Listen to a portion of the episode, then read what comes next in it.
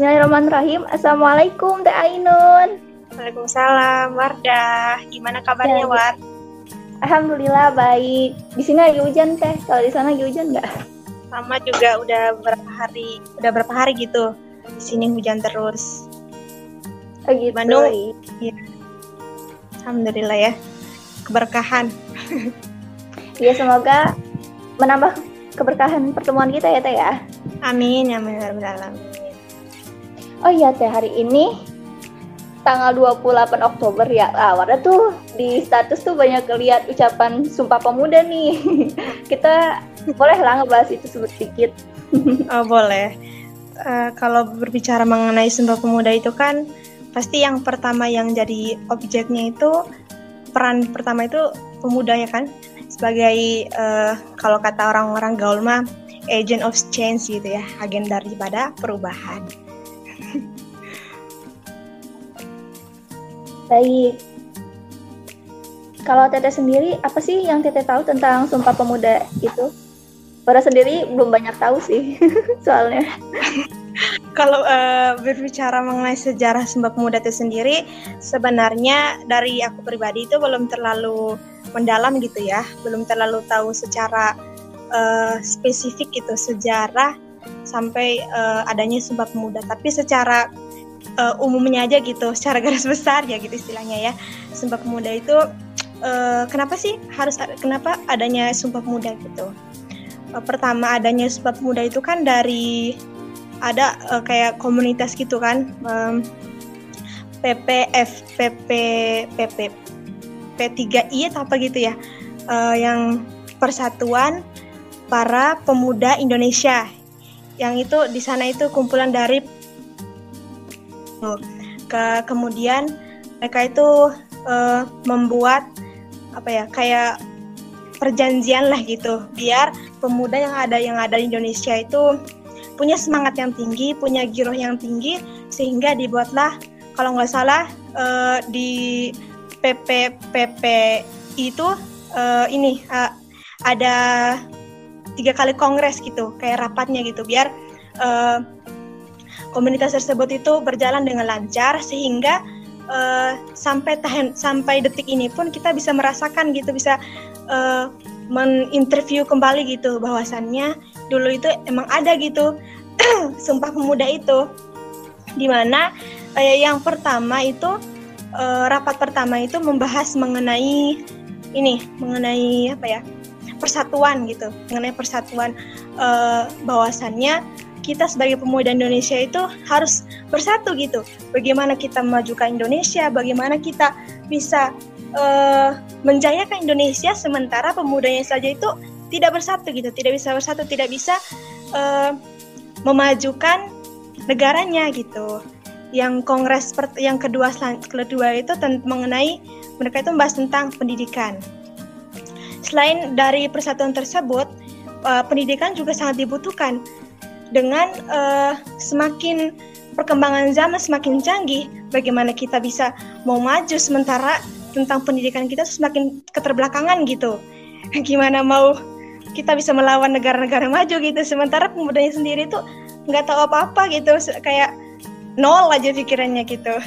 Yang ketiga, uh, yang di Kongres yang ketiganya itu mengenai tentang uh, nasionalisme. Seperti yang kita ketahui ya Wardia uh, nasionalisme itu kan bagian dari apa ya? Paling poin paling penting lah gitu ya. Kalau misalnya nih di komunitas, di komunitas itu nggak ada uh, nilai ke nasionalisme itu pasti pasti dibilang radikal kan? Iya nggak? Bener nggak, War? Iya bener banget deh. nggak nasionalisme itu pasti udah udahlah kamu dicap radikal itu nggak uh, cinta Indonesia gitu harus kita harus menanamkan uh, jiwa nasionalisme. Yang pertama tadi kan tentang persatuan, tentang pendidikan, sama nasionalisme.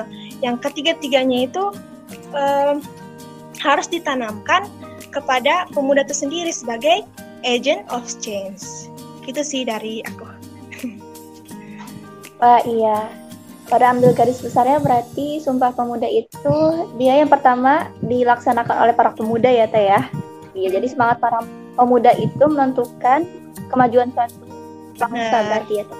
yang kedua Wardah ambil kita tuh butuh persatuan untuk kita semakin maju gitu. Gimana kita mau maju sedangkan kita aja sulit untuk bersatu. Yang ketiga tadi Wardah ambil nasionalisme ya teh ya? Iya sekarang tuh tapi nasion isu nasionalisme itu sering dipelintirkan ya teh ya. Katanya uh, uh, katanya orang Islam itu yang taat kepada Allah nggak nasionalis gitu. Hmm, sering dikaitkan okay. antara uh, agama sama nasionalisme. Kalau misalnya yang terlalu terlalu apa ya mencintai agamanya itu pasti dicap radikal gitu. Kalau misalnya padahal kita udah uh, mematuhi aturan pemerintah saja udah kita kan nasionalisme kan mengikuti aturan yang telah dianjurkan oleh pemerintah. Ya begitulah negara kita. Iya benar. Padahal Sumpah Pemuda juga banyak dicetuskan oleh para pemuda muslim ya Teh ya? Yang Wara tahu itu salah satunya kalau nggak salah Muhammad Yamin. Benar benar. Yang membuat rumusan keputusan Kongres Pemuda dua iya iya betul. Kemudian Wara mau nanya lagi nih Teh kalau Teteh sendiri nih kan pemuda itu merupakan hal yang penting juga dalam kemajuan satu bangsa. Nah, kalau Teteh melihat pemuda saat ini terkhusus pemuda Indonesia gimana Teh? Kalau dari kacamata aku sendiri ya, pemuda di Indonesia itu sebenarnya uh, smart gitu.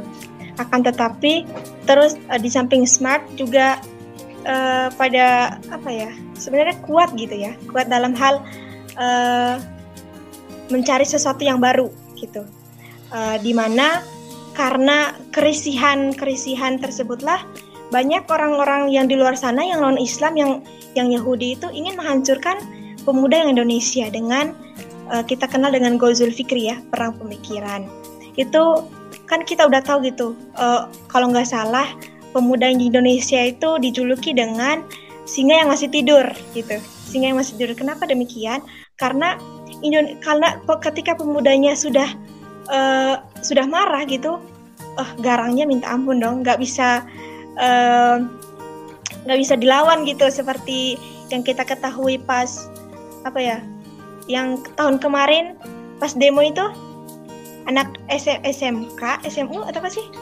Itu kan udah bener-bener persatuannya itu wah nggak bisa dikalahin kalau misalnya perang dunia tuh nggak bisa dikalahin tuh pemain Indonesia saking garangnya gitu loh terus um, karena keresahan tersebutlah uh, orang-orang Yahudi itu memasukkan apa ya, nilai-nilai konten-konten yang yang saya rasa ada sisi positifnya, ada sisi uh, negatifnya itu. Tapi tergantung uh, pemuda tersebut gitu menggunakan uh, apa ya, menggunakan hal tersebut di sisi positif atau di sisi negatif. Di mana melalui konten-konten seperti fashion gitu kan ya, tentang uh, apa fashion, terus food, terus uh, olahraga terus uh, yang yang sering diminati itu yakni ini bentar-bentar yang sering diminati itu uh, tentang ini sih fashion ya di mana mereka itu meniru pakaian-pakaian orang barat padahal itu tuh nggak laik bukan nggak laik sih kayak aneh gitu. Orang Indonesia memakai pakaian tersebut padahal kita sendiri pakaiannya dari dulu itu kan udah emang uh, batik yang sopan gitu ya. Terus karena Gozul Fikri, Fikri tersebut memasukkan nilai-nilai barat ke pemuda Indonesia tanpa mereka sadari, tanpa kan tetapi pemuda Indonesia sendiri tuh menikmati gitu, menikmati hasil karya orang-orang di luar. Padahal kita sendiri punya karya tersendiri gitu yang tidak semua negara memiliki karya tersebut seperti baju batik kan? Di negara lain mana ada punya baju batik gitu pasti itu kan itu kan karya Indonesia sendiri kan ya? Terus dari segi musik ya. Uh, kita itu punya uh, musik yang apa ya terkenal lah gitu di mancanegara kayak uh, Rabana gitu kan? Uh, keroncongnya nggak sih? Itu termasuk punya Indonesia nggak? Ya nggak sih? Kalau musik orang kurang tahu tuh. Oh ya gitulah ya. Terus uh, karena um, uh, mas masuknya nilai-nilai barat tersebut pemuda pemuda Indonesia itu kayak merasa kayak apa ya e, menikmati aja gitu. Nggak mau keluar dari zona nyaman. Padahal e, pemuda Indonesia sangat berkreatif gitu. Akan tetapi ke satu sisi saya sangat miris gitu dengan uh, apa ya dengan uh, statement orang-orang uh, dengan statement masyarakat gitu. Kalau misalnya mas uh, pemuda itu udah ber, berkreasi, udah berkarya, akan tetapi uh, masyarakat itu kayak menjas gitu. Eh, kamu itu pemuda atau apa sih gitu loh. Kayak nggak dihargai gitu. Kalau udah kalau pemudanya udah berkarya, akan tetapi uh, sedikit gitu yang menghargai karya pemuda tersebut. Gitu sih. Uh, iya, masya Allah. Iya sebenarnya Wara juga melihat ya teh kebangkitan para pemuda Indonesia itu udah mulai terlihat gitu. Namun uh, semakin terlihat, banyak juga yang ingin merusak gitu ya teh ya. Benar tadi Benar. kata teteh Idul Fitri itu semakin kuat gitu, apalagi sekarang di era digital gitu.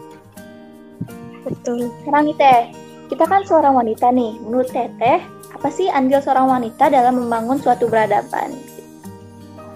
kalau berbicara mengenai perempuan itu nggak bakalan habisnya diperbincangkan karena uh, kalau kata siapa ya yang dari India itu saya lupa namanya dia mengatakan ketika kita uh, ketika uh, per, apa ya ngedidik uh, misalnya laki-laki itu ngedidik 10 uh, per 10 laki-laki maka yang apa ya yang menjadi perubahannya itu cuma 10 10 itu aja gitu. Akan tetapi kalau ketika kita uh, mendidik satu perempuan akan melahirkan generasi-generasi yang maju gitu, yang apa yang terdidik lah gitu istilahnya.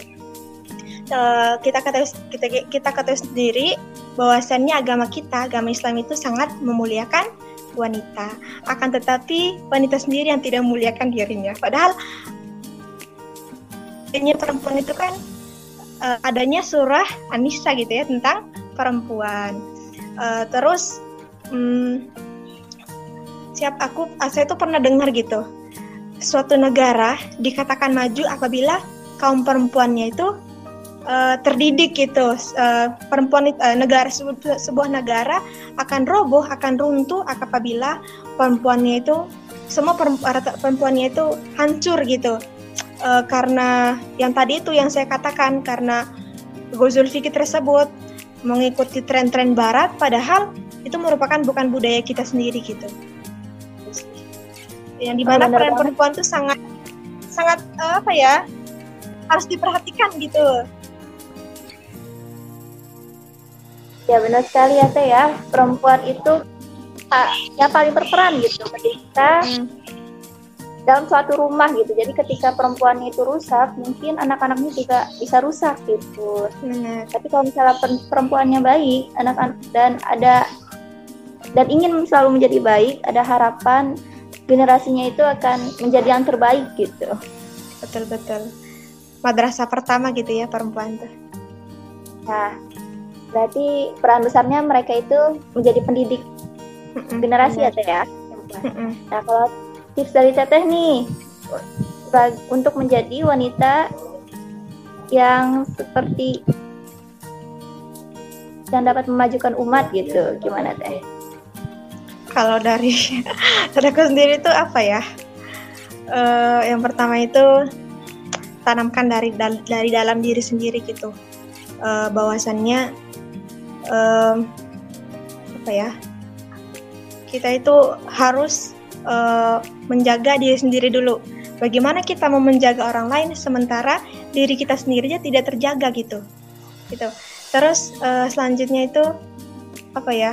Ikut komunitas-komunitas tentang uh, tentang keperempuanan itu entah tentang keperempuanan, tentang uh, intinya mendekatkan kita kepada yang sang holik gitu. Uh, apa ya?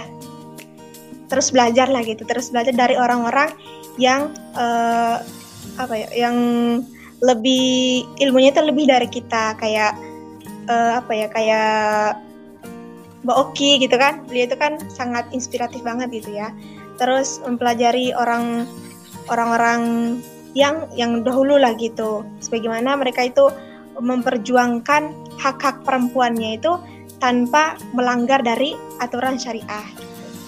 Gitu, aja sih dari aku. Iya, jadi itu ya teh ya tipsnya. Itu yang paling utama kita memperbanyak teman teman-teman soleh ya teh ya atau komunitas-komunitas yang baik gitu. Agar kita juga bisa semakin berilmu dan mengambil kebaikan dari komunitas Oke nih teh, ada lagi nak? Nggak nih teh yang mau dibahas? Uh, satu kata sih uh, perempuan itu kan sebagai madrasah madrasah pertama gitu ya di dalam uh, rumah. Uh, sebelum kita menjadi madrasah pertama itu kita harus um, memperbanyak ilmu terlebih dahulu pendidikan. Bagaimana kita mau uh, mendidik uh, generasi selanjutnya. Sementara kita pemahaman kita tuh zong gitu. Kita harus memperdalam wawasan dan keilmuan untuk menambah wawasan generasi-generasi selanjutnya gitu. Aja sih Wan. Ya benar gimana kita mau memberi ya teh ya? Mendidik generasi sedangkan kita sendiri gak punya ilmu gitu dan gak punya apa-apa untuk dibagikan. Baik terima kasih teh Ainur atas kesediaan mengisi podcast kali ini. Oke Wardah. Terima kasih kembali. Kurang lebihnya mohon maaf. Wassalamualaikum warahmatullahi wabarakatuh